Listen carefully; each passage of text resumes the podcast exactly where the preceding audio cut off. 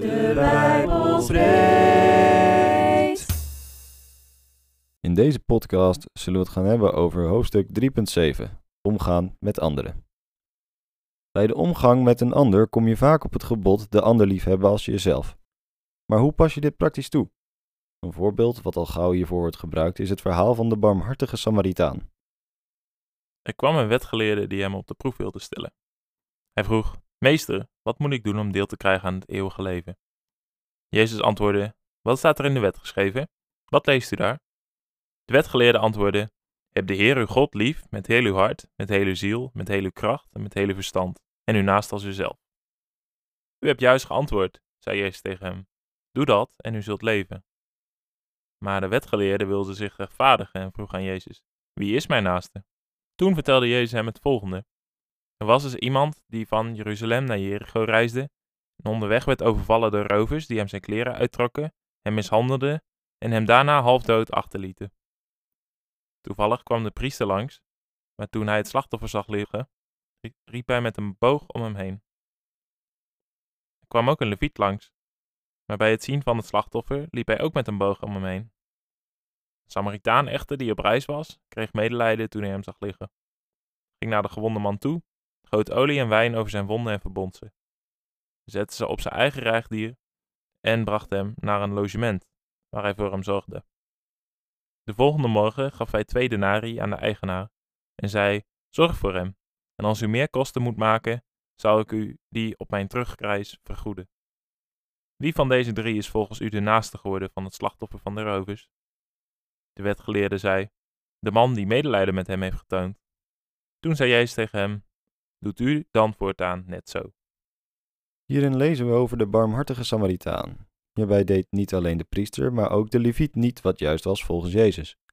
De levieten waren de tempeldienaren, dus daarvan zou op zijn minst ook verwacht worden dat deze wisten wat geprefereerd werd in de omgang met je naaste. Om de beweegredenen te snappen van de priester en de leviet, is het belangrijk te weten dat door het aanraken van een dode ze onrein zouden worden. Daarom wilden ze hem niet aanraken om te kijken of hij misschien toch nog leefde. Ze vonden hun eigen reinheid belangrijker dan de zorg voor een zwaar gewonde. Daarnaast is er nog het gegeven dat Israëlieten en Samaritanen elkaar liever meden. In de Bijbel wordt namelijk vaker verkondigd dat Gods volk niet met de Samaritanen in contact moest komen. Zo staat er bijvoorbeeld: Deze twaalf zond Jezus uit en hij gaf hun de volgende instructies: Sla niet de weg naar de heidenen in en bezoek geen Samaritaanse stad. Ga liever op zoek naar de verloren schapen van het volk van Israël. In de tijd dat de bevolking van het koninkrijk Israël door de koning van Assur gevangen was meegenomen, waren er mensen van een ander volk in de streek Samaria komen wonen. Voor een deel hadden ze het Joodse geloof overgenomen en dat vermengd met hun eigen godsdiensten. Vanwege de omstandigheden toen was het dus niet handig om met Samaritanen om te gaan. In andere omstandigheden waarbij het woord van God werd verspreid, was dit wel voor iedereen. Volgens de traditionele Samaritaanse theologie vond de scheiding tussen de Samaritaanse en Joodse religie plaats toen priester Eli het offerheiligdom verplaatste van de berg Gerizim naar nabij Sichem naar Silo. Eli was hoge priester in de tijd van Richteren.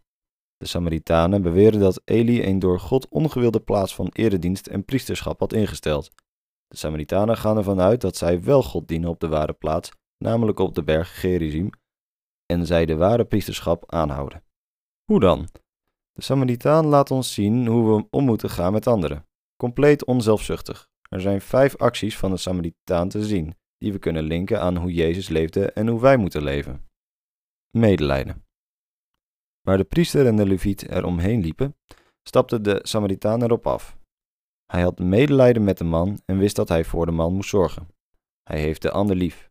Jezus heeft hier ook, extra opmerking in Johannes 13, vers 34 tot en met 35. Ik geef jullie een nieuw gebod. Heb elkaar lief. Zoals ik jullie heb lief gehad, zo moeten jullie ook elkaar lief hebben.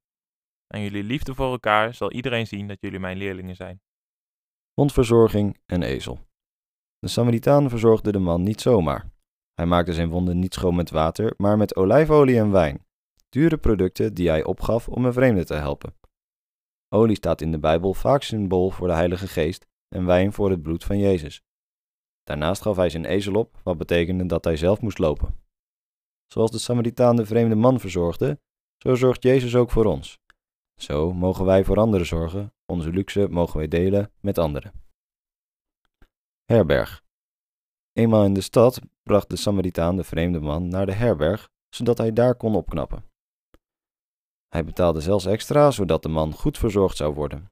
Hij betaalde de herberg voor de man zonder te verwachten dat hij werd terugbetaald. Hij verwachtte niets in ruil voor zijn zorgen. Wij worden geroepen anderen te helpen zonder daarvoor iets terug te verwachten. Help anderen omdat zij hulp nodig hebben, niet omdat zij dan bij jou in het krijt staan. Terugkomst.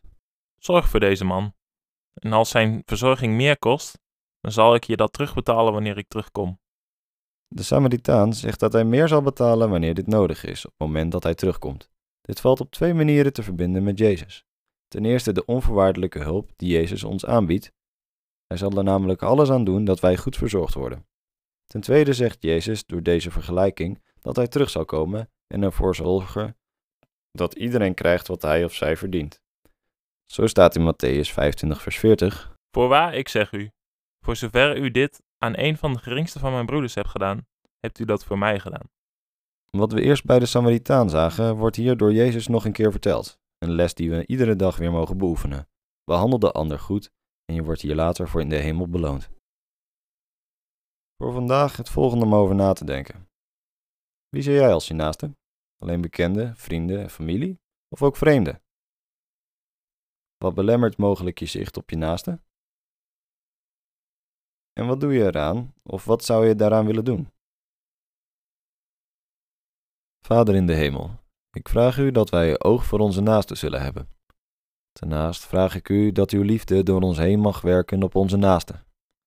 Zo wil ik u ook danken voor het feit dat we lief kunnen hebben. Dit vraag ik van u en dank ik u om Jezus wil. Amen. Deze podcast werd mede mogelijk gemaakt door